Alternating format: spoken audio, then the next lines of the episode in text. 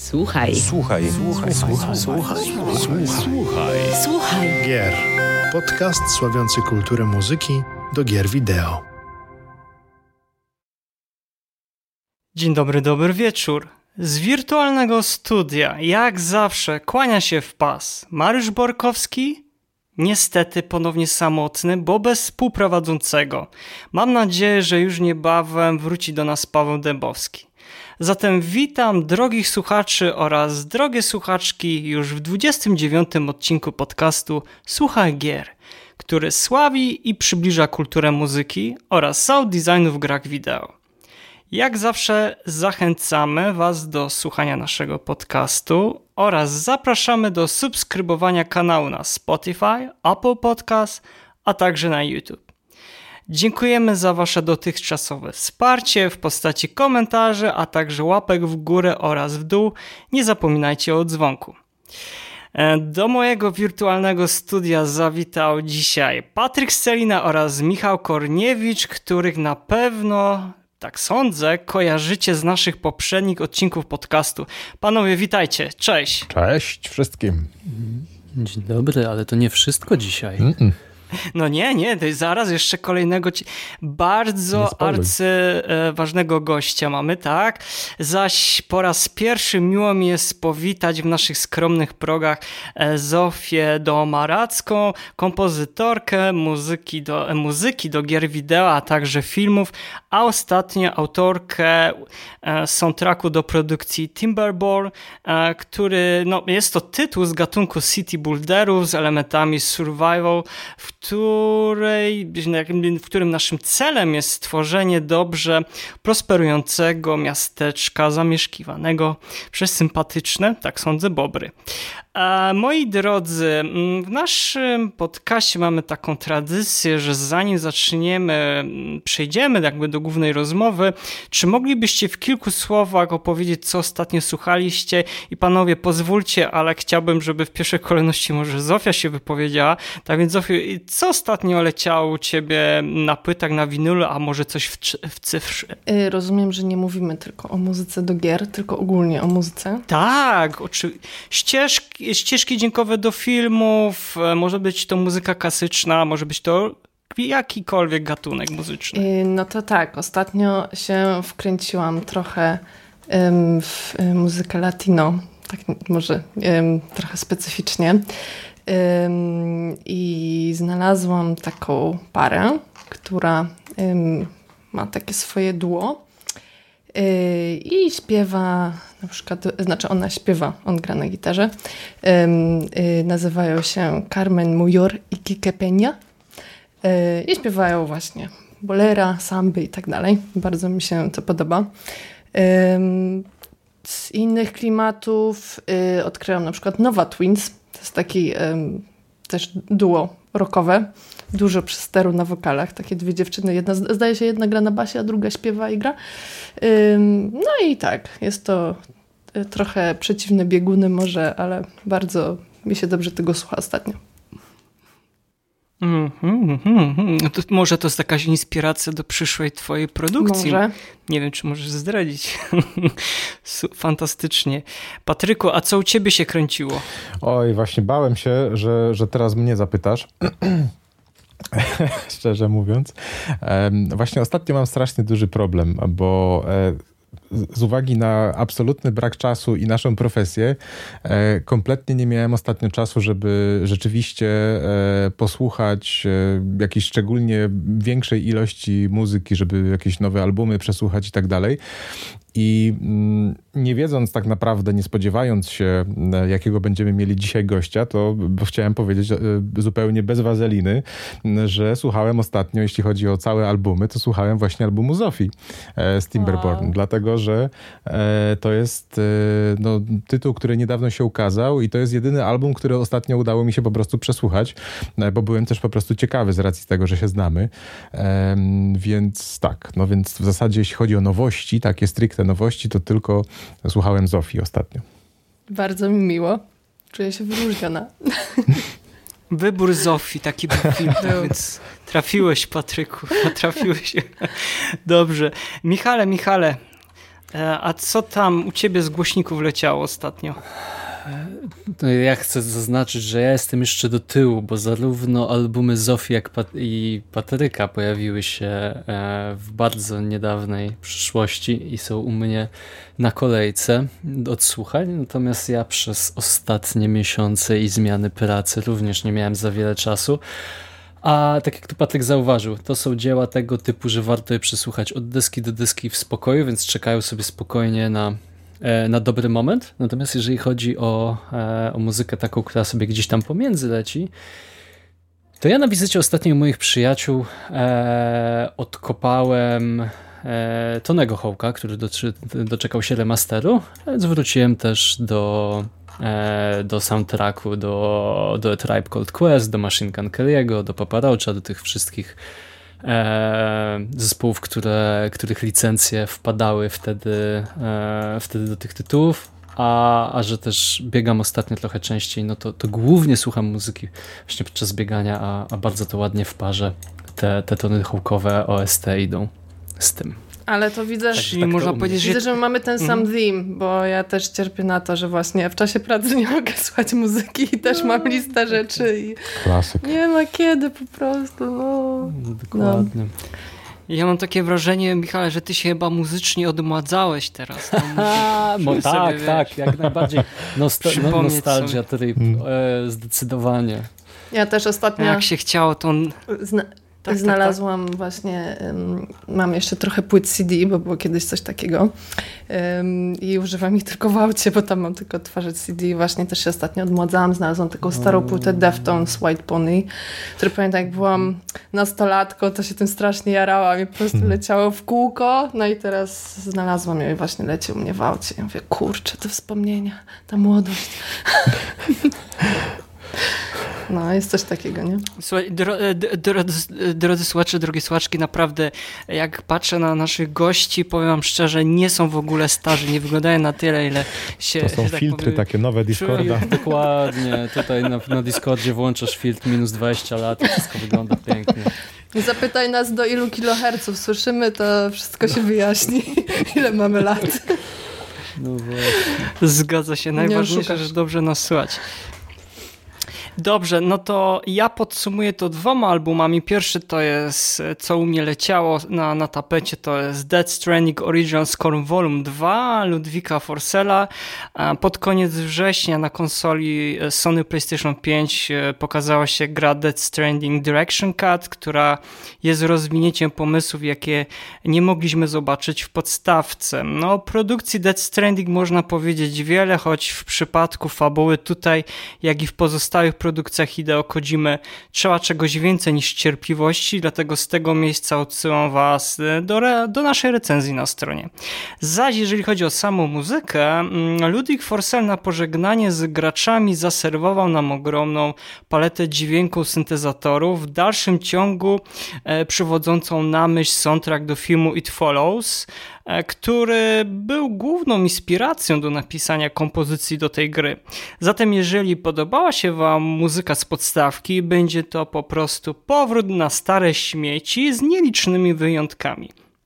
No i jeżeli chodzi jeszcze o, o mój drugi typ dzisiaj, a muzyka do gry Jet the Far Show Andiego Rochmana aka Skryf, E, w wielkim skrócie akcja gry Jeff the Far Shore toczy się na nieznanej planecie.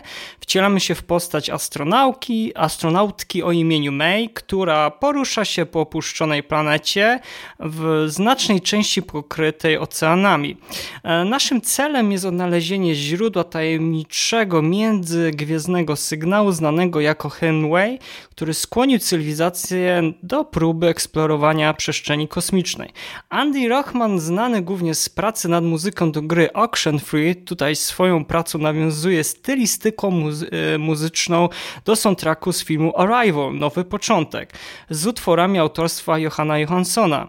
Nie jest to ścieżka łatwa w odbiorze w żadnym razie, mm, wręcz przeciwnie, odsłuch może zniechęcić do dalszej eksploracji albumu, jednak po dłuższej chwili słuchania tego niepokojącego, niepokojącego, albumu skłaniającego do refleksji być może można zmienić zdanie. Na pewno pozostanie wam to wynagrodzone.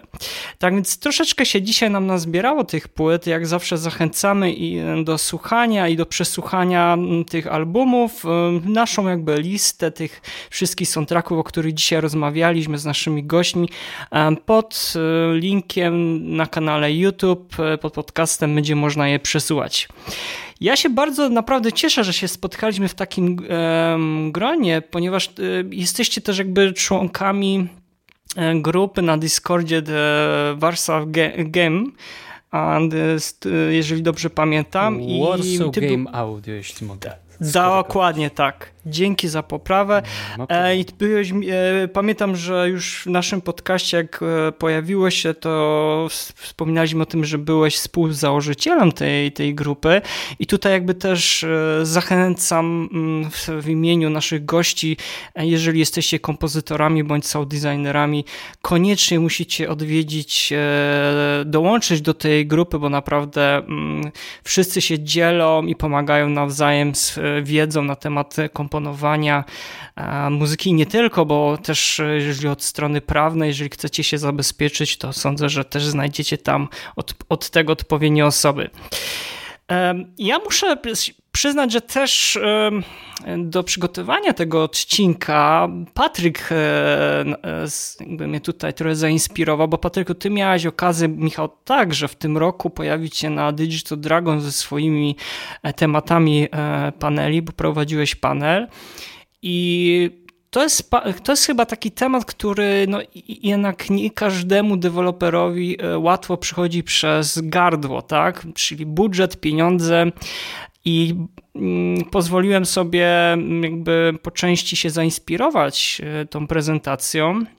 I mam nadzieję, że wspólnie będziemy mogli może nie tyle co znaleźć e, multum odpowiedzi na te, na te nurtujące nas e, pytania, ale żeby może przynajmniej mm, jakiś drogowskaz, e, może coś wspólnie uda nam się dzisiaj wymyśleć. Tak więc ja bym chciał zacząć e, takim ogólnym pytaniem do Was wszystkich, e, to znaczy same problemy z planowaniem i budżetowaniem muzyki do gier wideo. I chciałbym zacząć od Patryka, ponieważ Patryk to był jakby Twój temat. Jakbyś mógł zacząć może od tego, z czego to wynikało, że postanowiłeś, ja owszem po części już to powiedziałem, powiedziałem, ale może byś chciał jakby uzupełnić to, co już zacząłem mówić, kwestii właśnie tego budżetowania i planowania muzyki do gier wideo i może o, sa o samym panelu. Dobrze, to znaczy tak, jeżeli chodzi o sam pomysł i, i, dlaczego zdecydowałem się w ogóle wybrać taki temat na, mm, na wykład, to mm, głównie wynika to oczywiście no, z jakichś doświadczeń, które gdzieś tam się e, powoli nabywa i, i coraz, e, coraz częściej mam też okazję mieć w ogóle porównywania E, sytuacji, jaka w danym studiu się, czy, czy raczej ma miejsce. Jeżeli chodzi o kwestię czy to budżetowania, czy w ogóle jakby priorytetu e, pracy nad, ogólnie nad audio, e, jak najbardziej, ale też nad muzyką. I zauważyłem, że no, zdarza się, zwłaszcza w tych mniejszych studiach właśnie, że nie ma tam oczywiście jakby złej woli, tylko sporo, sporo pojawia się takiej mm, jakby nieświadomości czasami pewnych procesów, które zachodzą podczas naszej pracy e, i wydaje mi się, że po prostu niektórzy deweloperzy nie są gotowi, nie są jakby przygotowani na, na pewne niespodzianki, które mogą ich czekać, jeżeli nie zaczną z nami, czyli mam na myśli tutaj z ludźmi odpowiadającymi za, za audio i też muzykę, mm, e, rozmawiać na w miarę wczesnym etapie. Dlatego też... Ale Patryku, ja ci przerwę, bo w dalszym, czy mówimy o naszym podwórku, tak? Mhm. Czyli o Polsce, czy, nie, no czy tak. to jest też jakby to znaczy, na temat... Na... Mhm. To znaczy, wiesz, no, doświadczeń mam najwięcej z Polski. Z, z, jeżeli chodzi o klientów zagranicznych, to akurat jeżeli chodzi o deweloperów, to nie mam zbyt dużych doświadczeń. Raczej zdarza mi się pracować, e, na, że tak powiem, na innych płaszczyznach z zagranicą. E, natomiast jeśli chodzi o gry, no to głównie chodzi o, nasz, o nasze podwórko. Także pomysł głównie wynikał z tego, e, żeby, żeby niektórym deweloperom, zwłaszcza tym mniejszym, zwłaszcza tym, którzy zaczynają i którzy na przykład czasami nie mają po prostu mm, świadomości tego, w jaki sposób my pracujemy, żeby im chociaż odrobinę przybliżyć ten proces. Dlatego ja też zresztą tak skrzętnie e, i trochę podstępnie e, postanowiłem w tym, w tym wykładzie przemycić nie tylko kwestie pieniędzy, ale też na czym polega w ogóle praca, jaki jest pipeline.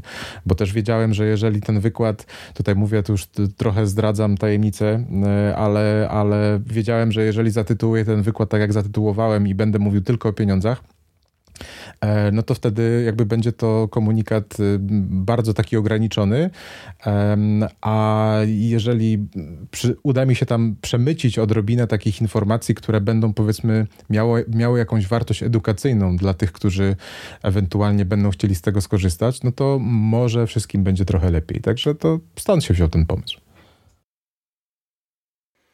Okej, okay, dobrze. Mm, a jakbyś na przykład y, teraz, teraz szybko sobie jeszcze rzucę, żebyśmy nie wyprzedzili, okej. Okay? Mhm, mhm. Powiedz mi, mm, z twojego też jakby tego do, do, doświadczenia i z planowaniem, budżetowaniem, jak myślisz, czego to może wiesz, wynikać? Bo poniekąd już tam powiedziałeś chyba z tego, nie wiem, braku chyba doświadczenia tego, tej, tej wiedzy, ale czy to nie jest tak, że te niezależne mm, produ produkcje i te studia czasami powstają dzięki temu, że nie wiem, ktoś z tych ogromnych, dużych molochów odszedł i oni zakładają swoje te takie powiedzmy średnie, e, niezależne studia, no i jednak mają chyba tą jakby taką wiedzę i jak sądzisz, z czego to jednak faktycznie, co może być takim powodem, jakimś źródłem tego, że oni e, nie, wie, nie, nie wiedzą jak to budżetować, tą muzykę i plan, planować, czy wszystko zrzucają to faktycznie faktycznie na kompozytora, że kompozytor mm, mm, wiedzieć ma wszystko? Jak ty to To znaczy, wiesz, no ja też, też, też y, mogę tak naprawdę tylko się wypowiadać na bazie jakichś doświadczeń e, swoich własnych i ewentualnie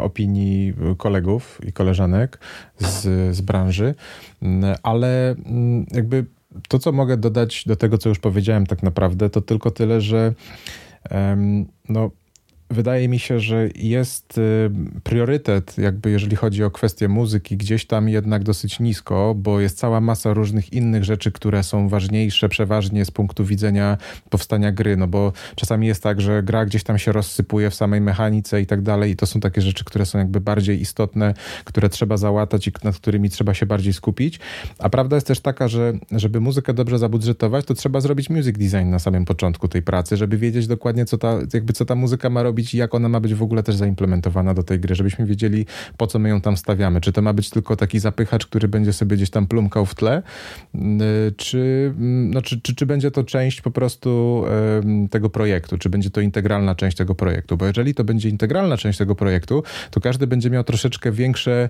e, wydaje mi się, też, też ciśnienie na to, żeby to dopracować na możliwie wczesnych etapach. E, więc może to z tego wynika, ale myślę, że każda też sytuacja sytuacja będzie inna, więc to moglibyśmy pewnie dyskutować i dyskutować, więc ja jestem bardzo ciekawy tego, co, co, co, co, co reszta naszych gości ma tutaj do powiedzenia na ten temat.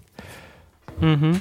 Zofia, jak sądzisz, z czego wynikają te problemy z planowaniem i budżetowaniem muzyki do gier wideo na naszym poletku? Znaczy przede wszystkim wydaje mi się, że to jest faktycznie jakiś taki, taka dziedzina, gdzie studia może mają najmniej doświadczenia. Tak jak powiedział Patryk, to audio niestety zawsze jest, um, znaczy często jest w ogóle ostatnią rzeczą, o której się myśli. Um, I też wydaje mi się, że trudno może czasami wybrać moment, kiedy kompozytor czy kompozytorka mają dołączyć do zespołu, bo jeżeli ma się kogoś na przykład in-house, czy z kimś e, się współpracuje na stałe, no to można taką osobę wdrażać od początku projektu, pracować od razu razem, iterować. Taka osoba może zaproponować całą stylistykę, właśnie tak jak Patryk mówił, jak, jak to w ogóle ma współgrać z całą resztą gry. Natomiast większość mniejszych studiów nie stać na na to, żeby zatrudnić taką osobę na stałe, więc korzystają z outsourcu. No więc wtedy taką osobę się zatrudnia w późniejszej, często w późniejszej fazie już projektu, no bo też jeżeli taka osoba zacznie pracować nad muzyką wcześniej, no to może być tak, że potem cała koncepcja gry się tam troszkę przemieli i zmieni i wtedy, jeśli to jest outsource, no to trzeba też znowu zapłacić za kolejne jakieś tam iteracje y, i tak dalej, więc ym, wydaje mi się z takich względów praktycznych też y, dużo osób podchodzi właśnie do tego w ten sposób, że no jak już nam się ta gra zepnie, już będzie prototyp, nie wiem, też wydawca i tak dalej, i tak dalej, no to wtedy zaczniemy myśleć może e, o tym, co z muzyką, tak, jak już będziemy wiedzieli, co chcemy, tak. Natomiast no to jest... no ma to właśnie swoje plusy i minusy, tak, no bo w tym momencie często też już trudno jest coś zabudżetować, albo coś się zabudżetowało na samym początku, co niekoniecznie odpowiada temu, co, co finalnie może byśmy chcieli zrobić. Mhm. To chyba w ogóle no przeważnie tak jest, że się coś e, zabudżetuje, jest jakaś tam wstępna koncepcja, no nie? I, tak, a potem tak. się wszystko wywraca do góry nogami, tylko budżet zostaje ten sam. Dokładnie, dokładnie. No. No właśnie, no także wydaje mi się, że no jeżeli faktycznie chce się to zlecać komuś, kto na przykład nie jest częścią zespołu na co dzień, no to faktycznie trzeba mieć zakładkę na jakieś, albo na jakieś tam iteracje, jeżeli nam się zmieni totalnie koncepcja, albo spróbować podejść do tego w takim momencie, gdzie już wiemy, że powiedzmy jakieś te podwaliny chociaż się nie zmienią, tak? I wydaje mi się, że dobrym podejściem jest też wtedy, no jeśli ma się osoby, z której się tam ufa jakoś we współpracy, powiedzieć jaki się ma budżet i y, dać jakąś taką wolną rękę, co możemy w tym budżecie fajnego zrobić, tak? Mhm. Michał, czy faktycznie mam taki problem z tym planowaniem i budżetowaniem mm, w Polsce, jeżeli chodzi o muzykę do gier wideo? Czy to tak? To po, po pierwsze, to nie jest, nie zamykajmy się tutaj, oczywiście nasze doświadczenia całej naszej trójki skupiają się głównie wokół Polski, ale to nie jest żaden problem Polski, to jest problem budżetowania gier. I to nie jest problem budżetowania muzyki w grach, tylko to jest problem budżetowania gier. Im mniejsze studio, tym ten jest większy problem, ale ten problem jest i istnieje na każdym szczeblu. Od największych gigantów, AAA-ów, przez indyki premium, po gry robione w garażu. I to jest albo budżetowanie na tych najwyższych poziomach, głównie związane finansami, a na tych najniższych coraz bardziej budżetowanie czasem, bo po prostu projekt rozciąga się w czasie, gdy nas nie stać na to i na drugie. Więc muzyka absolutnie nie jest. To nie jest tak, że w Polsce z muzyką mamy problem w budżetowaniu gier. Problem jest znacznie szerszy.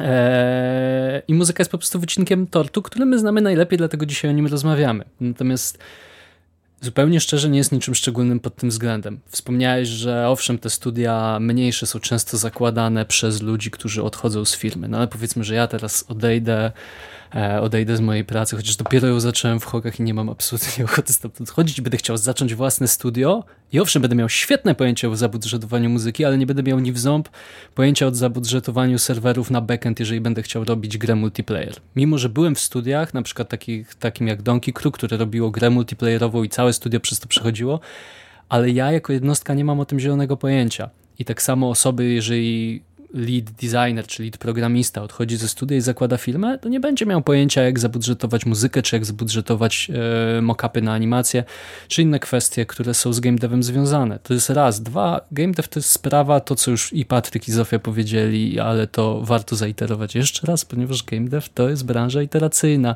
i my tutaj będziemy poprawiać, poprawiać, zmieniać, poprawiać. E, I to sam, sam ten charakter e, implikuje to, że z budżetem zawsze i wszędzie będą problemy, czy jeśli chodzi o muzykę, e, czy jeśli chodzi o inne aspekty. Oczywiście i to, co już ja tutaj mogę tylko potwierdzić, to co Patryk i Zofia powiedzieli, że im lepszego specjalistę na pokładzie mamy, im bardziej zaufaną osobę, z tym, z tym budżetowaniem będzie, będzie po prostu łatwo. Mhm. Mamy, że tak powiem, takiego partnera, na którego możemy liczyć.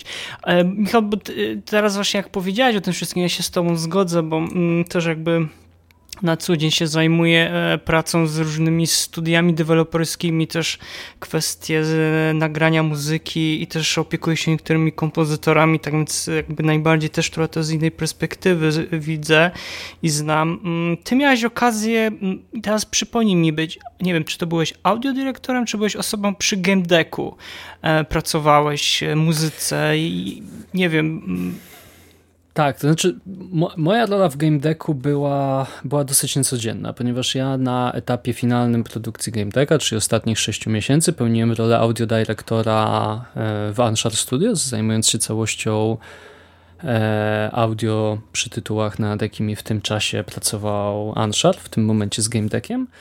E, natomiast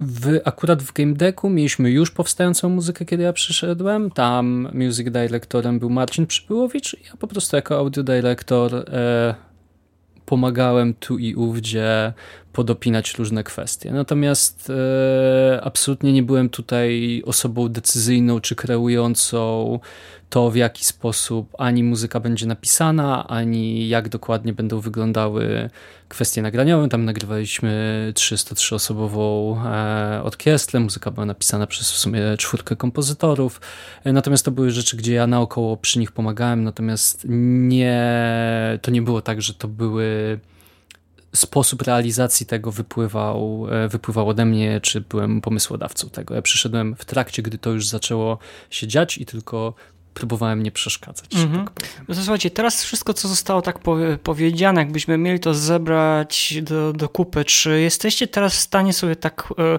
szybko z, z powiedzieć szczerze, e, co trzeba byłoby zrobić, żeby to zmienić? Bo wiemy, że to nie jest jakby problem polski, tylko to jest takie o, o, że tak powiem, międzynarodowy, jeżeli w ogóle możemy mówić, że to, to jest problem, bo tak jak Michał słusznie zauważył, też przypuszczam, że inne działy też mogą się z tym, z tymi, mm, z tym problemem spotykać, co nie, jednak nie zmienia faktu, że muzyka od zawsze e, obok e, fabuły i grafiki pełniła bardzo ważną rolę, tak samo jak zresztą sound design, ale jakby nie wracajmy, nie rozgrzebujmy e, tego te, tematu, bo moglibyśmy naprawdę o 20 30 lat, e, że tak powiem, przenieść się wstecz i sobie powiedzieć szczerze, że naprawdę muzyka, można by powiedzieć, grała pra prawdopodobnie pierwsze skrzypce.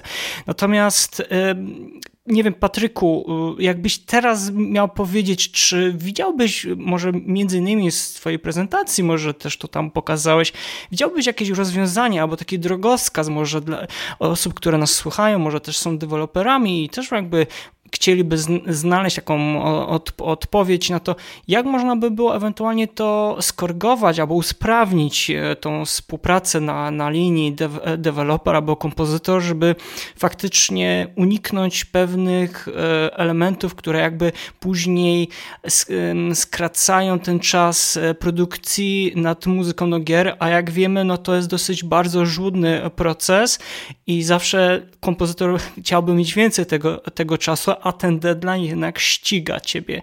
To więc mógłbyś teraz jakieś takie rozwiązanie, nie wiem, jakieś ci przychodzi na myśl? Znaczy wiesz co, ja w ogóle nie, nie miałem e, okazji do tej pory na przykład spotkać się z taką praktyką, e, może ktoś miał, e, by na przykład studio zaproponowało samo, jakby z własnej inicjatywy, żeby samo studio miało na przykład taki pomysł, by rozpocząć coś w rodzaju takiego jakby projektowania, czy takiego jakby pre-developmentu w ogóle muzyki na wczesnym etapie, kiedy gra powstaje. Bo tutaj już Michał też bardzo, bardzo wyraźnie to zaznaczył, że, że, że cały game dev to jest proces taki iteracyjny i, i to jest 100% racji, więc trzeba jakby mieć świadomość tego, że dużo rzeczy się może zmienić gdzieś tam po drodze i podejrzewam, że część deweloperów może też z tego właśnie powodu nie chce angażować nikogo do muzyki na wczesnym etapie, bo zakładają, że to nie ma sensu, skoro ta gra się jeszcze zdąży pięć razy zmienić po drodze i czekają do ostatniego momentu, kiedy już w zasadzie jest trochę za późno, bo wtedy właśnie każdy kompozytor na kolanie próbuje to wszystko pospinać, żeby zwłaszcza jeszcze później coś ponagrywać w studio, potem to jeszcze zmiksować i wrzucić wszystko do jakiegoś middleware'a, do Fmoda czy do Wise'a. E, podczas gdy moglibyśmy się do tego, wydaje mi się, chociaż trochę lepiej przygotować, gdybyśmy mieli właśnie jakąś jakiś taki plan i też studio miałoby e, samo w ogóle w, w świadomości, e, by przygotować jakąś taką, e, że tak powiem, poduszkę finansową na to, żeby pozwolić muzyce, tak samo jak grze pozwala się ewoluować, żeby pozwolić też muzyce troszeczkę poewoluować razem z tą grą gdzieś tam wcześniej. Natomiast to, co, to z czym my mamy do czynienia bardzo często, czyli ten taki flat fee, o którym mówiłem w czasie swojej prezentacji, gdzie, gdzie mamy po prostu jakąś taką stałą stawkę, która jest za całą produkcję, produkcję albo od minuty, e, co się też bardzo często zdarza, e, to to jakby powoduje, że zakłada się, że ta muzyka zrobiona raz, tam zrobimy, nie wiem, 5 minut, czy 10 minut, czy godzinę, czy 5 godzin, że to, to już jest koniec, jakby, że my to robimy, to jest koniec i to już jest dostarczone, wrzucone do gry i to, i to, i to tak ma zostać. Mm, więc ja bym tutaj zostawił trochę więcej pola właśnie do tej iteracji, żeby ta iteracja była zaplanowana, a nie wynikała jakby z tego, że coś po prostu nie zadziałało. Więc ja bym może w ten sposób podszedł mhm. do tematu. Zofia, a ja, jakie ty masz przemyślenia? Ty mm, jakieś, nie wiem, miałabyś tutaj jakąś radę um, dla osób, które pracują właśnie w game devie i też dla samych kompozytorów i sound designerów, bo to też jakby trzeba sobie powiedzieć szczerze, mi się wydaje, że to też dwóch działów e, tyczy nie tylko samych kompozytorów, ale osób, które też przygotowują później dźwięki. Ym, znaczy pytanie brzmi, co możemy zrobić, żeby lepiej to zaplanować? Tak, tak. Jak, tak jak Patryk mhm. starał się też tutaj jakby od, mhm. od, od, od, odpowiedzieć na to pytanie, czy mhm. jakieś rozwiązanie mogłabyś tutaj mhm. zaproponować? Znaczy, przede wszystkim wydaje mi się, że należy zacząć od jakiejś tam powiedzmy edukacji, jak działa proces. Um, czyli to, co Patryk um, na przykład miał wykład na ten temat. Nie widziałam go jeszcze, ale um, z tego, co wiem, właśnie był dokładnie o tym to myślę, że jest super, jeżeli byśmy mogli właśnie na różnych konferencjach mieć um, tego typu prelekcje i jakoś zachęcić um, ludzi spoza działów audio, żeby na nie przychodziły, żeby też um, dewowie wiedzieli, na czym polega ten proces, tak? I też wiedzieli, jakie są narzędzia, jakie są możliwości, bo często jest tak, że na przykład ludzie nie wiedzą o tym, że jest coś takiego jak middleware i że może, możemy zrobić muzykę adaptacyjną, no ale to wtedy może dobrze też, żeby ktoś tam, żeby to ta osoba implementowała, y, że dobrą praktyką może by było, y, żeby ta osoba też miała dostęp do repo, żeby można było testować i tak dalej, tak dalej. Dużo takich rzeczy, których no na przykład, nie wiem, powiedzmy jakieś tam młode studia może nie mają z tym doświadczenia, więc mi się wydaje, że od tego należałoby zacząć. No i dalej, no ja mam akurat doświadczenie takie, że zdarzało mi się pracować właśnie w takim modelu iteracyjnym, czyli że jakoś tam stosunkowo wcześnie tę muzykę powiedzmy zaczynam robić i no właśnie, jeżeli to jest stała współpraca no i jest zabudżetowany po prostu czas, czyli że na przykład napracujemy nad tym ileś tam miesięcy, no to ta osoba tam po prostu jest i wydaje mi się, że to dobrze działa, ale oczywiście też wydaje mi się, że to nie jest może koniecznie od punktu zero, tylko jeżeli już jesteśmy w takim momencie, że wiemy powiedzmy jaka jest stylistyka ogólnie, tak, to możemy już zacząć działać z muzyką i, i wtedy faktycznie sobie iterować i, nawet w jakichś tam rzeczach typu implementacja i tak dalej.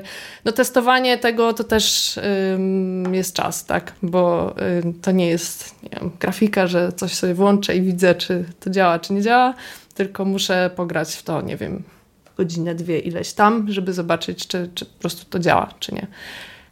Mhm.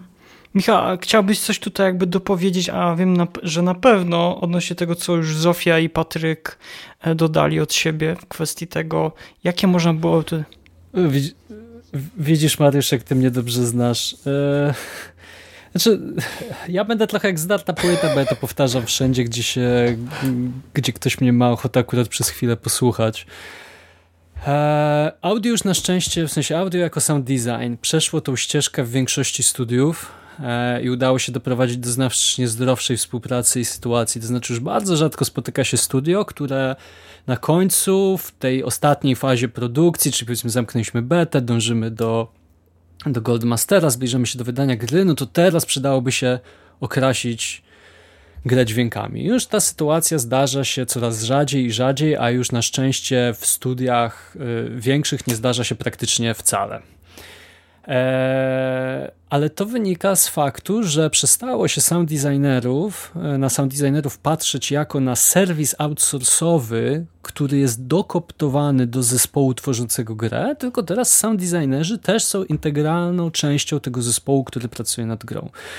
I we wszystkich przypadkach, w których kompozytor jest integralną częścią zespołu pracującego nad grą, a nie jest naszym podwykonawcą, dla którego jesteśmy klientem, to ta sytuacja wygląda znacznie zdrowiej. Nie tylko jeżeli chodzi o proces budżetowania, ale przede wszystkim jeżeli chodzi o to, o czym i Zofia i Patryk mówili, czyli sposobu implementacji, sposobu tego, jak muzyka finalnie będzie nam współżyła z grą. Więc to jest moim zdaniem najważniejszy krok, który, który jest do przeskoczenia, czyli zaprzestanie traktowania kompozytorów jako outsourcu z punktu widzenia kompozytorów przestanie myśle, zaprzestanie myślenia o deweloperach jako o klientach i następnym zleceniu, tylko po prostu pracy jako integralna część zespołu. To absolutnie nie wymaga zatrudnienia kompozytora na etat, bo wiadomo, że bardzo niewiele studiów, tylko największe studia mogą sobie na to pozwolić, bo też nie oszukujmy się, praca na etat kompozytora przy grze, która powstaje 3 lata, y, tyle czasu nie jest aż potrzebne. Natomiast nic nie stoi na przeszkodzie, czy tak jak i Patryk miał okazję, i Zofia miała okazję, ja zresztą też miałem okazję w swojej karierze pracować, e, od wczesnego momentu pracy nad grą, jeżeli jesteśmy cały czas, że tak powiem, in the loop, bierzemy udział w spotkaniach, patrzymy jak ta gra się rozwija, nawet nie znaczy, że my musimy co tydzień coś dokomponowywać, czy co tydzień coś zmieniać, ale jesteśmy, mamy cały czas na bieżąco rozeznanie, jak design gry się zmienia, w którą stronę to idzie i możemy podejmować decyzje na temat naszej muzyki, nawet jeżeli mamy jakiś tam przestój 3 miesiące, 6, e, kiedy faktycznie tej muzyki nie dokładamy. Mhm. To ja bym miał jeszcze takie podsumowując, bo czas nas goni, a jeszcze sądzę, że takie dwa ważne tematy warto byłoby dzisiaj poruszyć. Ja się tak zastanawiałem nad, czym, e, nad tym, co teraz powiedzieliście i jak najbardziej się też pod tym podpisuję, ale zastanawiam się nad taką kwestią, ponieważ wiemy, że czasami zdarza się tak, że jak już e, no, zdarza się taka sytuacja, że czasami jak bierzemy udział w jakimś tam powiedzmy konkursie, to znaczy wysyłamy te dema, kilku kompozytorów wysyła i walczy o to stanowisko przy tej grze. No to wiadomo, czy to jest jakaś średnia, duża produkcja, nawet czasami te duże studia nie mają kompozytorów in-house. Dobrym przykładem jest chociażby Ubisoft.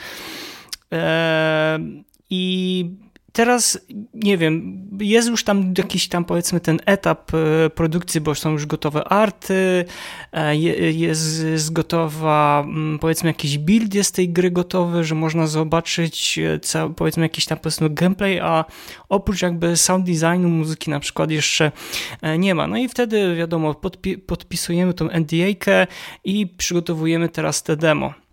No i teraz jest pytanie, czy to jest faktycznie taki dla nas dobry moment, czy jednak jednak walczyć o to, żeby być w produkcji już od samego początku. Mm, Olivier Derivier mm, wielokrotnie gdzieś tam wspomina, że on jest oprócz tego, że jest kompozytorem, jest też jest graczem. Bardzo dużo gra w gry i bardzo mu zależy jakby na takim kontakcie bezpośrednim z deweloperami. On nie lubi bycia, właśnie to co ty Michał powiedziałeś, żeby traktować studia deweloperów jako klienci i tak z klientów na klienta skakać, tylko mm, faktycznie dołączyć do tego zespołu, być tą integralną mm, częścią i widzieć, y, jaki jest jakby zamysł na tą grę, bo to pozwoli później łatwiej przygotować tą muzykę. I tak by nie wiem, spinając to w tą, tą klamrę, Zofia, czy sądzisz, że która z opcji jest taka na, naj, najwygodniejsza, najlepsza by była chyba dla ciebie jako kompozytorki? Czy jednak być od tego samego początku, żeby, żeby pracować, jeszcze nie, nie mając jakiegoś tam bilet, ale jakiś jest tam powiedzmy ten zamysł, są te obrazki? Czy wolałabyś jednak walczyć o, o to, żeby być e, tam wśród innych kompozytorów, którzy będą, będą wybierani i później jest o wiele łatwiej, no bo są gotowi gotowe te, te, te materiały.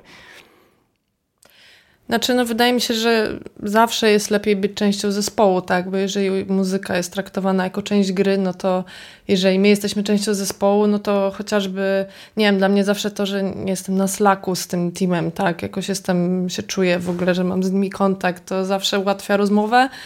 Często jest też tak w mniejszych studiach, że dużo różnych ludzi ma swój input do muzyki, a nie tylko na przykład jedna osoba, która tam czymś zarządza, więc wtedy można bezpośrednio jakoś tam wymieniać uwagi i tak dalej.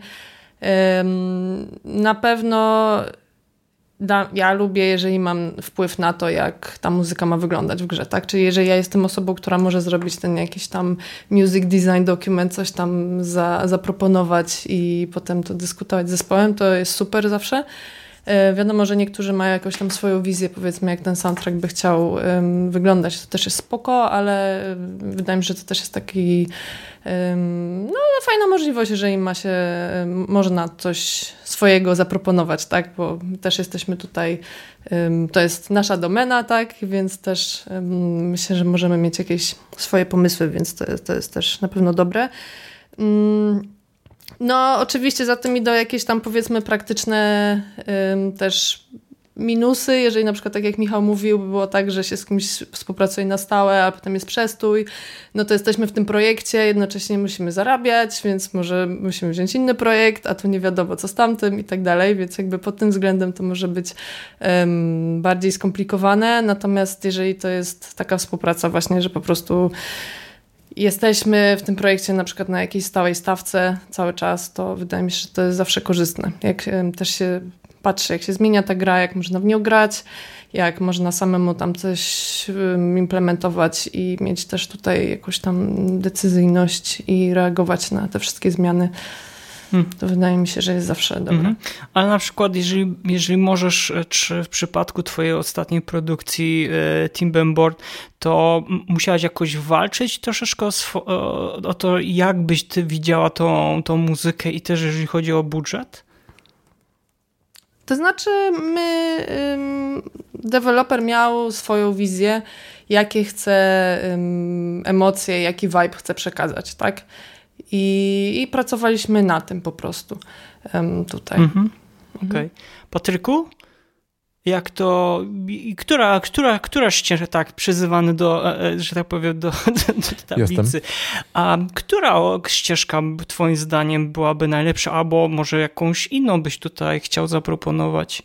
Znaczy, wiesz, no, dla mnie jak najbardziej rękami, nogami, wszystkimi częściami ciała ta pierwsza. E, ja zdecydowanie, pomimo tego, że na co dzień pracuję w swoich czterech ścianach i nie spotykam się z ludźmi, to jak najbardziej wolę być częścią zespołu i tutaj tutaj nie mówię tylko nawet mm, z perspektywy jakby samej pracy, ale w ogóle rzeczywiście bycia częścią zespołu, poznania się z tymi ludźmi, z którymi pracuję nad tą grą, e, bo mm, jeżeli wejdziemy na jakąś taką płaszczyznę trochę bardziej koleżeńską, przyjacielską, mm, to bardzo szybko się okazuje, że jakby sama ta chemia, która gdzieś tam powstaje, mm, już nie chcę tutaj e, przytaczać jakichś mm, przykładów, że trzeba pójść, e, że tak powiem, do baru i wypić beczkę soli, e, żeby, żeby, żeby z tym zespołem się zintegrować bardzo dobrze, ale no, w praktyce bardzo często tak to wygląda, że w takich sytuacjach rzeczywiście z ludźmi się zaczyna znacznie lepiej przy, pracować po prostu, bo... 100%. Bo, bo po prostu jest, przełamujemy w pewnym sensie jakby lody i to i, i, i, i jakąś tam barierę przełamujemy, o to mi chodziło. E, więc to, do, to doprowadza do tego, że e, zaczynamy się wymieniać pomysłami śmielej przede wszystkim. Nie ma jakichś takich dziwnych oporów, że a boję się komuś tam coś powiedzieć, że coś mi się nie podoba, albo że moim zdaniem inaczej byłoby lepiej. E, ta bariera gdzieś tam powoli zaczyna się zacierać i znikać.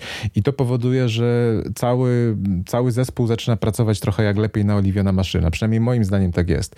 Um, i, i, ja osobiście preferuję te, te opcje bardziej niż jak w ostatniej chwili ktoś do mnie mówi, no słuchaj, bo tutaj potrzebujemy muzykę i trzeba coś zrobić. I nagle przychodzisz do zespołu, gdzie nie znasz kompletnie nikogo, tam są wszyscy już ze sobą zgrani, klepią się po plecach i w ogóle jest fajnie, a ty przychodzisz jak, jak taki outsider i po prostu no cześć, hej, e, ja tutaj chciałem tam dwie nutki dograć jakieś i nagle się okazuje, że wiesz, po prostu nie masz w ogóle, no tak naprawdę nie dość, że nie masz nic do powiedzenia, bo cała reszta jest ze sobą zgrana, ty jesteś jakąś obcą osobą zupełnie, e, to jeszcze znacznie trudniej jest uzyskać jakiś feedback od takich osób, bo, no bo nie, nie weszliście jeszcze na ten stopień taki koleżeństwa, że tak powiem, więc zupełnie inaczej się pracuje. Ja akurat mam to szczęście, że teraz drugi raz pracowałem z ekipą Juggler Game Studio na przykład, jeżeli, jeżeli taki przykład mogę przytoczyć, to mm, po tych paru już latach, kiedy, kiedy się znamy, oczywiście tam się parę osób zmieniło w tej, w tej ekipie, ale przez to, że znamy się już w większości przez od, od tych paru lat, to jest znacznie, znacznie prościej pewne rzeczy mm, omówić, e, mm, czy też nawet wymienić się właśnie jakimiś pomysłami, doświadczeniami, czy nawet powiedzieć komuś zwyczajnie prosto z mostu, że coś jest po prostu bez sensu. Mhm. To tak można śmiało powiedzieć, że przy The Amazing American Circus, czyli jednym z twoich ostatnich albumów, do których, a czy gier, do których skomponowałeś muzykę, faktycznie miałeś tą wolną rękę, czy musiałeś jednak o coś, o, o coś walczyć? To znaczy, no, nie wiem, co, co, co, co chciałbyś określić mianem walki, e, natomiast... Walki, no, była, że na przykład, była... wiesz, miałeś jakąś, jakiś pomysł na coś, ale finalnie deweloperom się na przykład to nie podobało, tak? To znaczy, ale, wiesz co, nie było, raczej nie było takiej sytuacji, e, żeby ktoś się, żeby komuś się nie, jakby w sposób taki zupełnie subiektywny coś nie, nie podobało po prostu i powiedział, że nie. E, raczej mieliśmy po prostu taką wymianę zdań i, i przede wszystkim sprawdzania, czy coś działa, czy coś nie działa, więc przeważnie, prze, przeważnie wszyscy stwierdzaliśmy, że coś jest bez sensu, bo na przykład po prostu to w praktyce nie działa tak, jak nam się wydawało w głowach, że, no, że po prostu będzie to e, funkcjonować i będzie dobrze e, działało w określonym momencie. Także jakieś tam pomysły oczywiście, które nie weszły są, e, czy, czy raczej były, ale ich wyrzucenie nie było jakimś takim, jakąś subiektywną decyzją, nie wiem, osoby, która decydowała, tylko raczej po prostu wynikało to z, mm, z funkcjonalności samej gry i stwierdzaliśmy, że jednak ten pomysł po prostu rzeczywiście nie ma sensu. Mm -hmm. Michał, że tak powiem, naszy prze, przewodniku, chciałbyś coś tutaj dopowiedzieć? Nie mam tym razem absolutnie nic do dodania. Zofia i Patryk wyczerpali. Następnym razem musisz Michała zapytać jako pierwszego. Podpis, podpis, podpis, nic. Tak. Podpisuję okay. się. No to słuchajcie, to ta, tak zgramnie przejdźmy może do e, tematu, czy pieniądze faktycznie zawsze idą w parze z jakością. Michał, no to ja może od ciebie teraz zacznę. Nie. Nie, nie idą. Dlaczego? Dlaczego? Absolutnie, absolutnie nie. Absolutnie nie i to circle back do, do, do tego, o czym mówiliśmy na początku. Czyli o braku świadomości budżetowania muzyki. To, że ma się dużo pieniędzy, to nie znaczy, że wie się, jak je dobrze wydać. I podstawowy błąd, który można popełnić nie tylko przy muzyce, ale przy wszystkim związanym z, gra, z grami, to jest a, pominięcie tego aspektu iteracyjnego i pominięcie związku z grą. Obojętnie, czy mówimy o animacjach, czy mówimy e, o grafice, czy mówimy, tak jak my w tym wypadku rozmawiamy o muzyce to, że zapłacimy duże pieniądze za zdolnego kompozytora, który do tej pory miał doświadczenie głównie linearne, to, że wrzucimy pieniądze na nagrania w Abbey Road, weźmiemy sobie najlepszego e, inżyniera mixu i masteringu. To sprawi, że nasz album, nasze OST, które wpadnie potem na Bandcampa, Spotify i tak dalej, zabrzmi świetnie i, i będzie się go miło słuchało. Ale to absolutnie nie znaczy, że ta muzyka zadziała w grze i będzie ją wspierać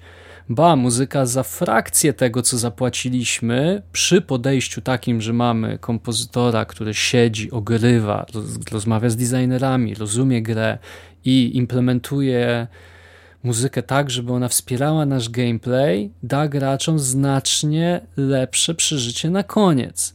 Także muzyka akurat i pieniądze, które są związane, szczególnie jeżeli dajemy się namówić na nagrywanie pełnej orkiestry, chóru, nie chóru e, i tak dalej, to są, e, to są pieniądze, które rosną po prostu w gigantycznym tempie i bardzo szybko mogą pochłonąć lwią część budżetu gry. I firma, która nie ma doświadczenia, nie wie jak budżetować, da się złapać w taką pułapkę, e, a tych pułapek jest coraz więcej na naszym rynku, bo coraz więcej zarówno sound designerów, jak i kompozytorów, którzy nie są graczami, nie mają pojęcia o grach, nie wiedzą jak ta muzyka powinna działać w grach, oferuje swoje serwisy, a mają doświadczenie z mediów linearnych. Potem to są po prostu nieudane eksperymenty i, i gry z kiepską muzyką. Także niestety nie, nie idzie zawsze w parze Budżet A masz jakiś, jakiś taki ostatni przykład, yy, którym mógłbyś się podzielić? Takiej właśnie gry, która była mocno budżetowana? Mm, nie przychodzi mi teraz na myśl, szczerze mówiąc, jak mi wpadnie, okay. to, to, to, je... to, się, to się podzielę. Mhm. Natomiast no też, też nie chciałbym palcem wytykać, co w moim subiektywnym co w mojej subiektywnej opinii jest, e, jest lepiej albo gorzej brzmiące, ale na przykład przytoczyłeś Oliviera de Riviera, który, który zawsze kładzie nacisk właśnie na to, że tak powiem, moim zdaniem ważniejszą część, bo to jest to też nie zrozumie, nie, nie, żeby ani ty, ani słuchacze nie zrozumieli mnie źle. Jeżeli te podstawy mamy załatwione i, i tutaj mamy to zabezpieczone, że wiemy jak ta muzyka ma działać, wiemy co chcemy z nią zrobić, wiemy w którą stronę to ma pójść, to potem tak, potem dorzucanie do budżetu, znajdowanie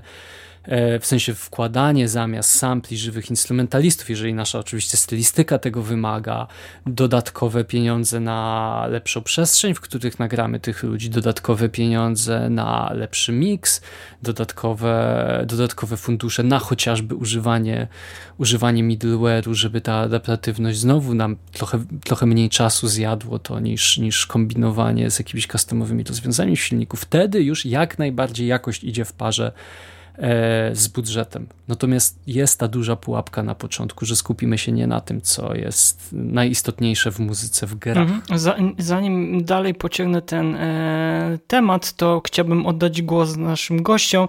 Zofia, czy faktycznie te pieniądze zawsze idą w parze z jakością?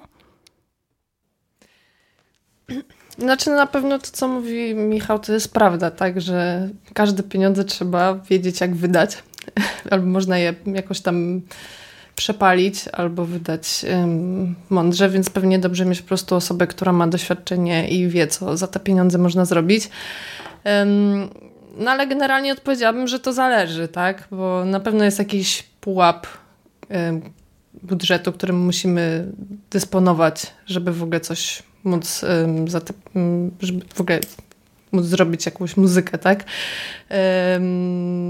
Natomiast no to też nie jest tak, że dobry soundtrack to musi być, nie wiem, pełna orkiestra, trzy godziny muzyki i budżet na to musi być, tak?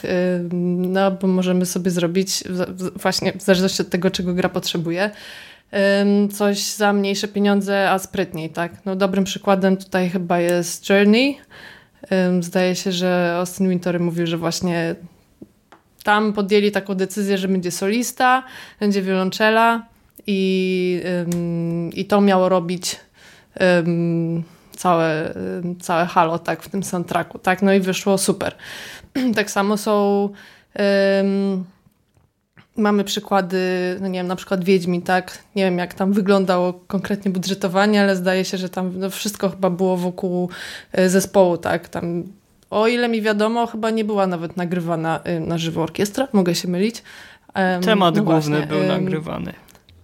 Ty, tylko motyw główny. No dokładnie. właśnie, e, więc no da się zrobić różne rzeczy fajnie, oryginalnie, soundtracki super jakości, bardzo popularne, które no na pewno siłą rzeczy kosztowały mniej niż długi, w pełni orkiestrowy soundtrack, tak? I te decyzje mogą być podjęte albo ze względu na to, że tak chcemy, bo tak, taki mamy plan, albo ze względu na to, że mamy jakieś ograniczenia finansowe.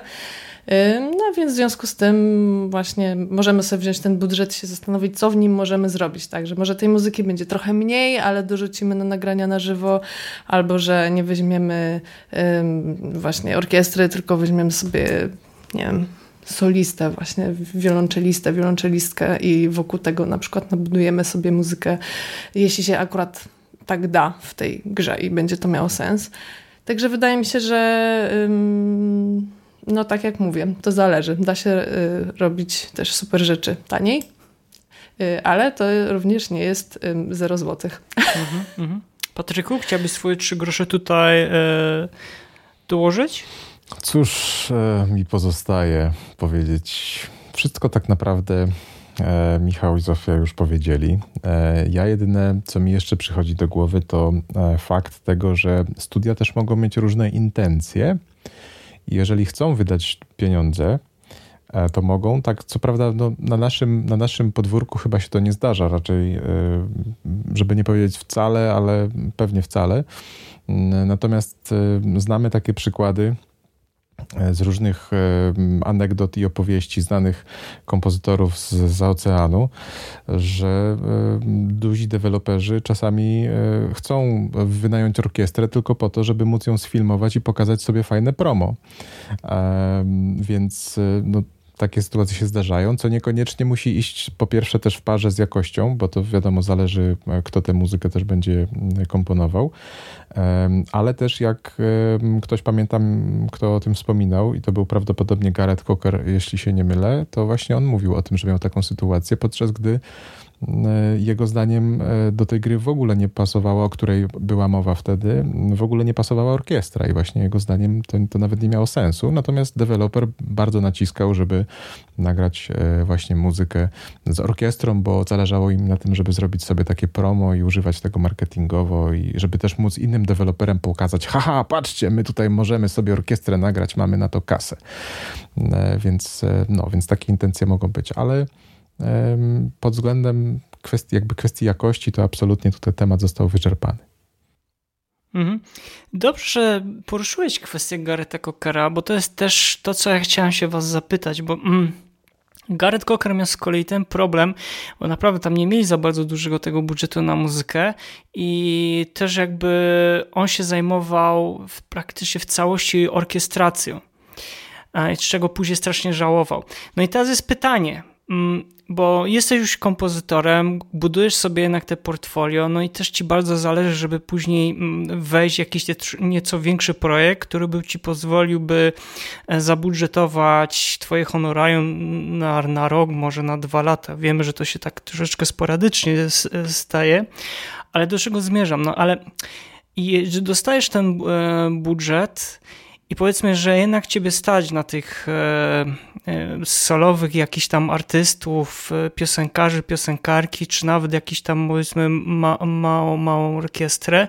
No ale co później na przykład z resztą, to znaczy cały mastering tej, tej, tej, tej, tej, tej muzyki inne kwestie techniczne. No i teoretycznie faktycznie kompozytor może się tym zająć, ale wiemy, tak mi się wydaje, poprawcie jeżeli się myję, mylę, czasami zdarza się, że na kompozytor nie ma tej jednak tej y, takiej wiedzy, która mu pozwala mm, w tym obszarze tak dobrze operować, jakby to była osoba, która no, ma wieloletnie doświadczenie.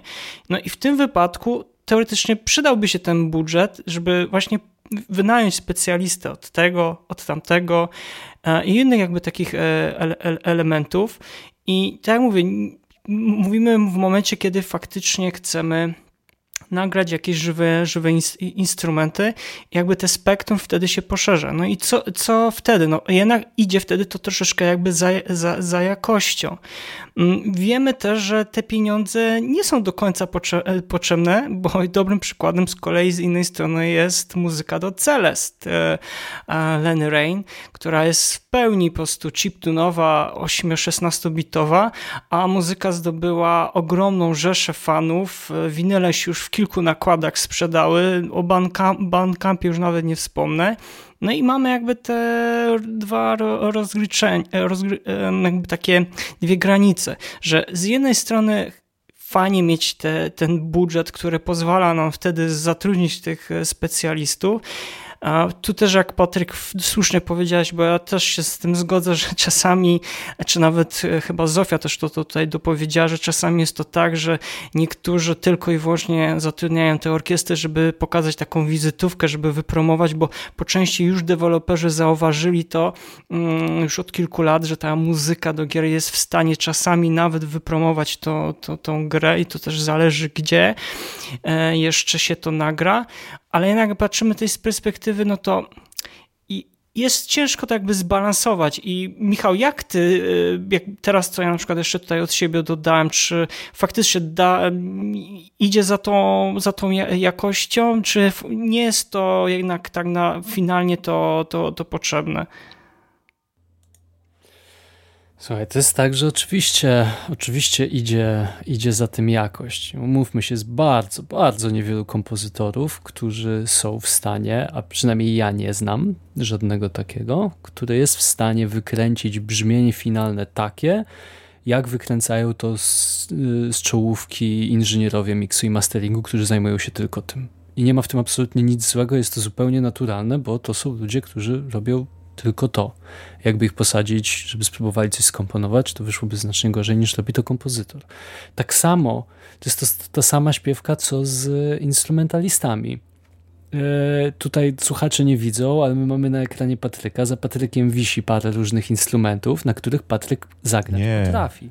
Nagrać Właśnie o to chodzi, potrafi. że ja na nich nie potrafię zagrać. To, to, jest, to jest najbardziej przewrotne. Dokładnie, ale będzie to zde będzie to zdecydowanie dalej niż jak ten instrument znajdzie się w rękach kogoś, kto spędził z nim połowę swojego życia.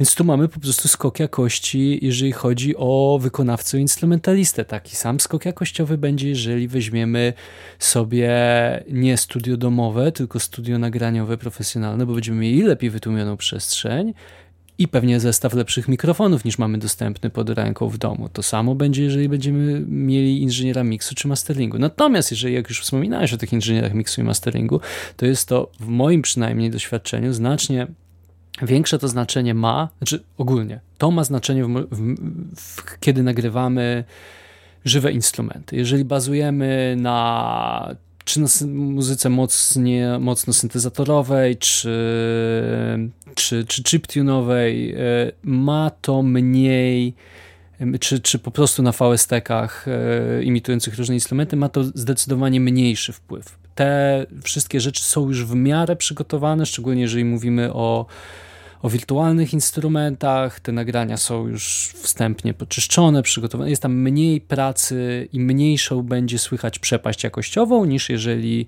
kompozytor weźmie sobie na żywo nagraną orkiestrę i spróbuje ją sam zmiksować versus mix profesjonalnego inżyniera żywej orkiestry. Tu będzie słychać e, największą przepaść. Natomiast to wszystko są rzeczy, które które tak jak już tu wcześniej się pojawiło, zależą od gry. Sam przytoczyłeś przykłady gier, które i tu Zofia też mówiła o tym, że, że można w bardzo kreatywny sposób podejść, można zrobić świetny soundtrack do gry, nie nagrywając ani jednego żywego instrumentu, tylko trzeba dobrze dobrać stylistykę muzyki, która będzie. Czasem nie będzie to idealna stylistyka, czasem zdecydowanie lepiej byłoby nagrać te żywe instrumenty, ale warto wziąć pod uwagę budżet, warto schować czasem swoje ego kompozytorskie do kieszeni po prostu jeżeli projekt takiego budżetu nie ma, to nie proponować e, rozwiązań, które na siłę generują koszta i będzie właśnie słychać niedobór budżetu w danej stylistyce, a może właśnie poszukać rozwiązania, takie jak tutaj gdzieś tam padały i padały przykłady gier, e, gdzie, gdzie mimo małego budżetu to, to ten soundtrack świetnie zabrzmi i odniesie sukces. Mhm, też zgadzam się, właśnie wszystko zależy od gry, e, od gry.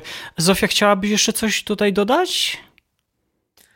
Myślę, że Michał tutaj też wyczerpał w miarę temat. Znaczy, też uważam, że po prostu zależy to od rodzaju muzyki, tak? No jeżeli robimy jakąś tam muzykę elektroniczną, gdzie faktycznie te sample już są wyprodukowane, no to jest dużo łatwiej, tak, niż właśnie z nagraniami orkiestrowymi, gdzie nawet ludzie wybierają pod konkretne sale, żeby było takie brzmienie albo tamto brzmienie. Ale wydaje mi się, że jeżeli jest budżet na orkiestrę, czy jakiś tam większy zespół, no to już nam miks się powinien też znaleźć, tak? No jeżeli nagrywamy jakiegoś tam solistę, to myślę, że też zależy oczywiście od e, osoby, od kompozytorów, tak, czy się zajmują trochę miksem, czy nie, ale jest to tam jakoś do zrobienia, tak. No ale na przykład mamy Billie Eilish, która ze swoim bratem zrobili w swoim pokoju albumy, które w ogóle dostają wszystkie nagrody i tak dalej, ale jest to zupełnie inny rodzaj muzyki, tak. Ale one przechodziły, one były wyprodukowane, a potem przechodziły przez profesjonalnych e, inżynierów miksu. Tak, ale myślałam, taka... wydawało mi tak. się, że oni to miksowali też tam, e, ale... Pre, premix tak, ale potem okay. mastering był no, robiony. Już teraz mi no. wyleciało nazwisko, ale tak. Ale okay. jakby marketingowo brzmi świetnie, że w sypialni zrobiłem, tak, wszyscy tak, kupują tak. Omnisferę, bo tam na 80% na Omnisferze albo sprzedaż no, no, Spectrasonics się cieszy. No ale to właśnie. Dokładnie tak. Dzięki Zofia. Patryk? Wiesz co, ja na to patrzę trochę tak, że jeżeli widzę, że na przykład studio jest ma taką strukturę, gdzie na przykład jest jeden grafik 3D, który generalnie robi modele, który robi tekstury, który przygotowuje uvki do modeli, który potem robi shadery, który potem oświetla to wszystko w silniku, e, no to ciężko jest oczekiwać, że do muzyki nagle będzie wielki team. E, natomiast jeżeli, patrząc na to z drugiej strony, jeżeli mamy jakiś wielki zespół, gdzie jest po prostu 15 różnych działów i w każdym z działów pracuje jeszcze po 15-20 osób i na rzecz e, produkcji muzyki bierze się jedną osobę i się oczekuje, że ta jedna osoba zrobi wszystko na tak samo dobrym poziomie, jak na przykład te zespoły robią te części graficzne, nie wiem, story, czy kwestie programowania i tak dalej, no to, no to tutaj mam, ja przynajmniej taki wewnętrzny czuję dysonans, że jakby nie, te proporcje nie są zachowane do końca tak, jak mogłyby być zachowane. Mhm. Okej, okay, dobrze. Naprawdę bardzo. To, to są, tak jak słusznie zauważyliście e, w pewnym momencie, że to są takie tematy, które można byłoby chyba podzielić na kilka odcinków e, podcastu. I ja mam nadzieję, że kiedyś e, Was usłyszę i też nasi słuchacze bądź widzowie zobaczą Was na Digital Dragons bądź też innych prelekcjach, innych wydarzeniach. Jeszcze jest GIT. Jeszcze jest GIT, tak, dokładnie. Patryk ma wykład, Michał też? Nie, nie, ja w tym roku nie. skupiam się na pracy koniec wykładów na ten sezon.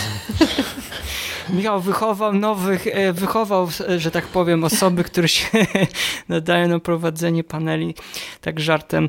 E, tak, polecamy też właśnie GIDS, na pewno o tym też wspomnimy. E, dobrze, to ja bym chciał podsumować tą naszą dzisiaj e, rozmowę i po części już chyba powi, po, trochę chyba o tym powiedzieliśmy. Chodzi dokładnie o pytanie, czy potrzebujemy tych nagrań na żywo zamiast używać e, sampli. Może Zofia od ciebie zacznę. Czy faktycznie to jest potrzeba? Wiemy, że już chyba to zależy od samej, samej produkcji, ale jeżeli nawet, jeżeli to jest jakiś gra, która ma spra sprite'y, i czasami nawet przywodzi na myśl e, Metal Sluga bądź pierwsze odsłony Final Fantasy, to czy potrzebujemy tych nagrań na żywo, czy lepiej jednak tych sampli używać? Jak, jak to z twojego doświadczenia i mm, jakbyś to ocenił? Znaczy, jeżeli y, robimy muzykę, w której y, chcemy użyć instrumentów jakichś tam akustycznych i jest budżet, no to myślę, że warto.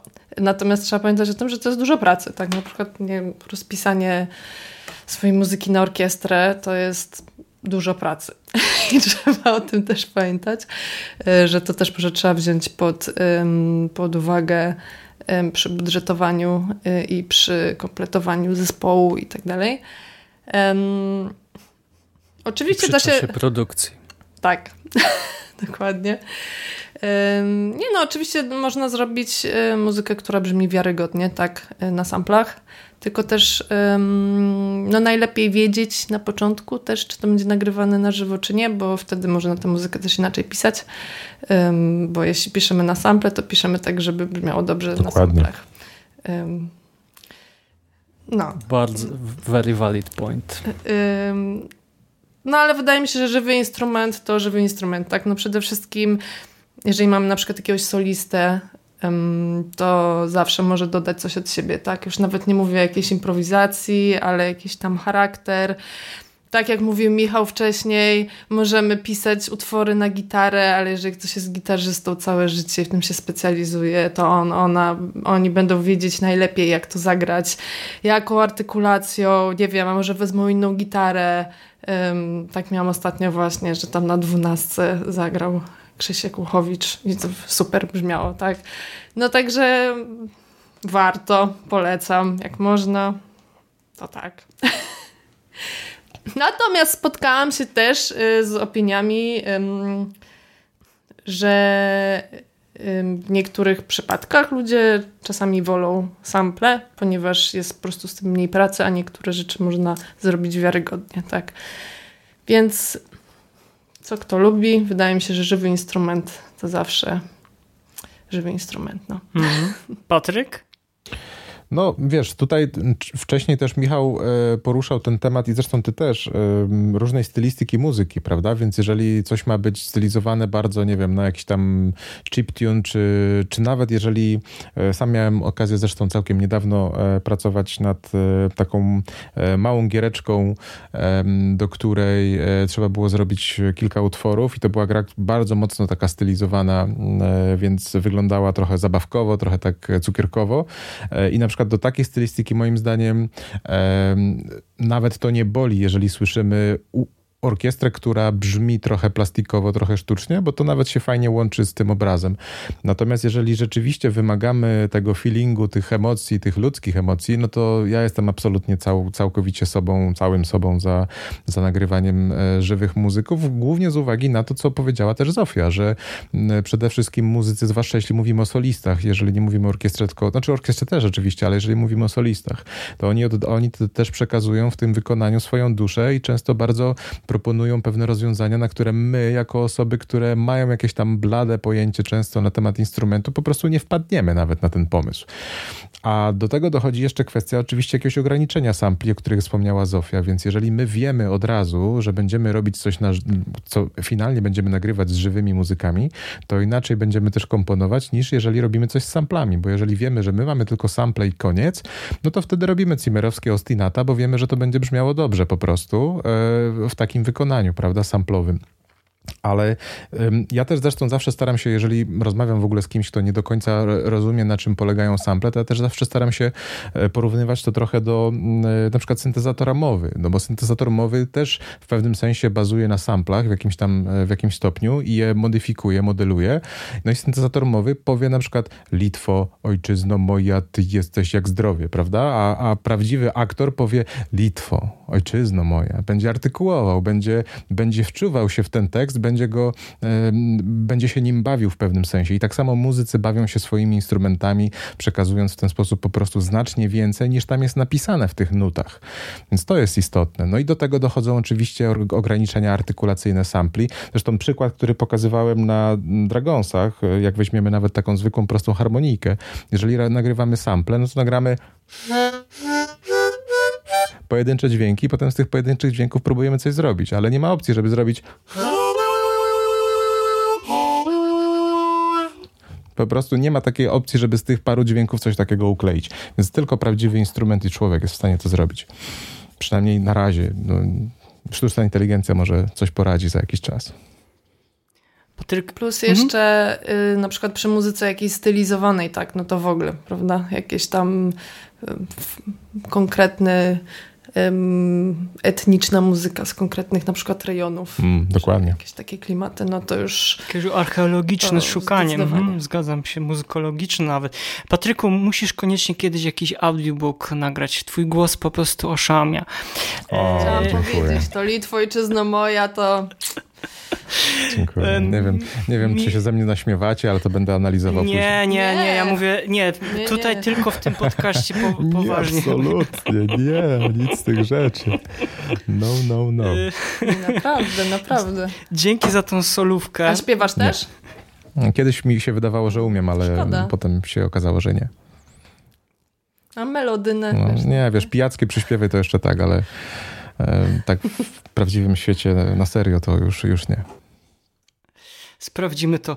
E, Michał, ty, czy ty byś chciał na koniec, to, na koniec jakoś to jeszcze podsumować, co jest Zofia i Patryk e, zdążyli opowiedzieć o tym? Nie, jedno, jedno i drugie skupiło się na tej najważniejszej rzeczy, czyli wartości dodanej, którą wnoszą muzycy do naszych tworów i, i, i nie chciałbym, że tak powiem, odciągać uwagi od tego jakże ważnego punktu. Mm.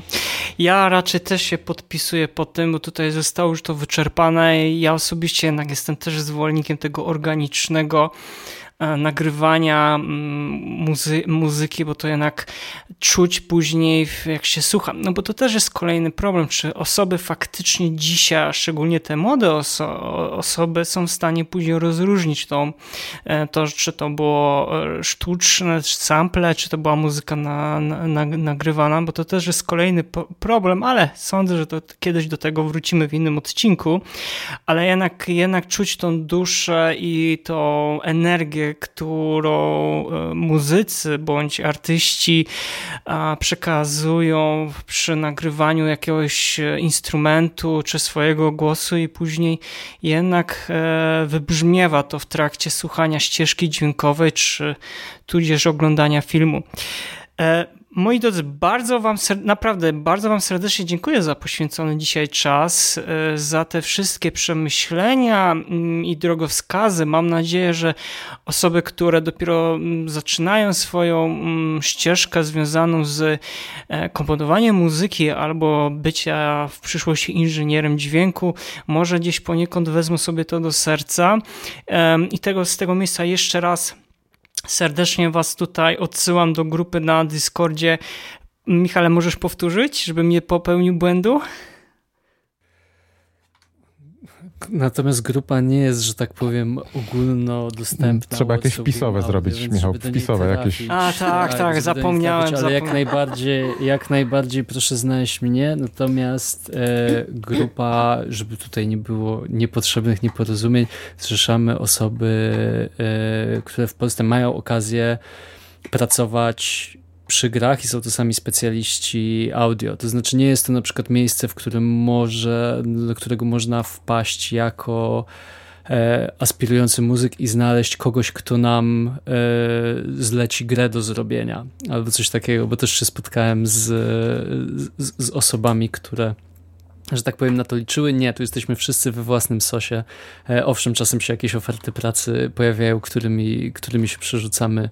E, natomiast tak, jeżeli tworzysz muzykę albo dźwięki do gier w Polsce, działasz i chciałbyś czy chciałabyś trochę tą wiedzą swoją się powymieniać, to z tego powodu dokładnie ta grupa została lata temu założona i serdecznie, serdecznie zapraszamy.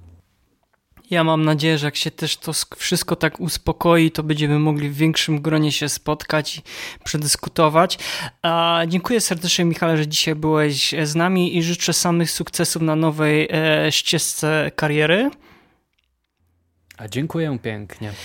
E, Patryku, dzięki e, wielkie, że znowu z e, swoim majestatycznym głosem i dźwiękami różnych instrumentów tutaj nas, że tak powiem, zszokowałeś i też oczywiście swoją wiedzą i też dzięki za podsunięcie tego tematu do dzisiejszego podcastu i mam nadzieję, że znowu przyjmiesz zaproszenie do udziału w podcaście.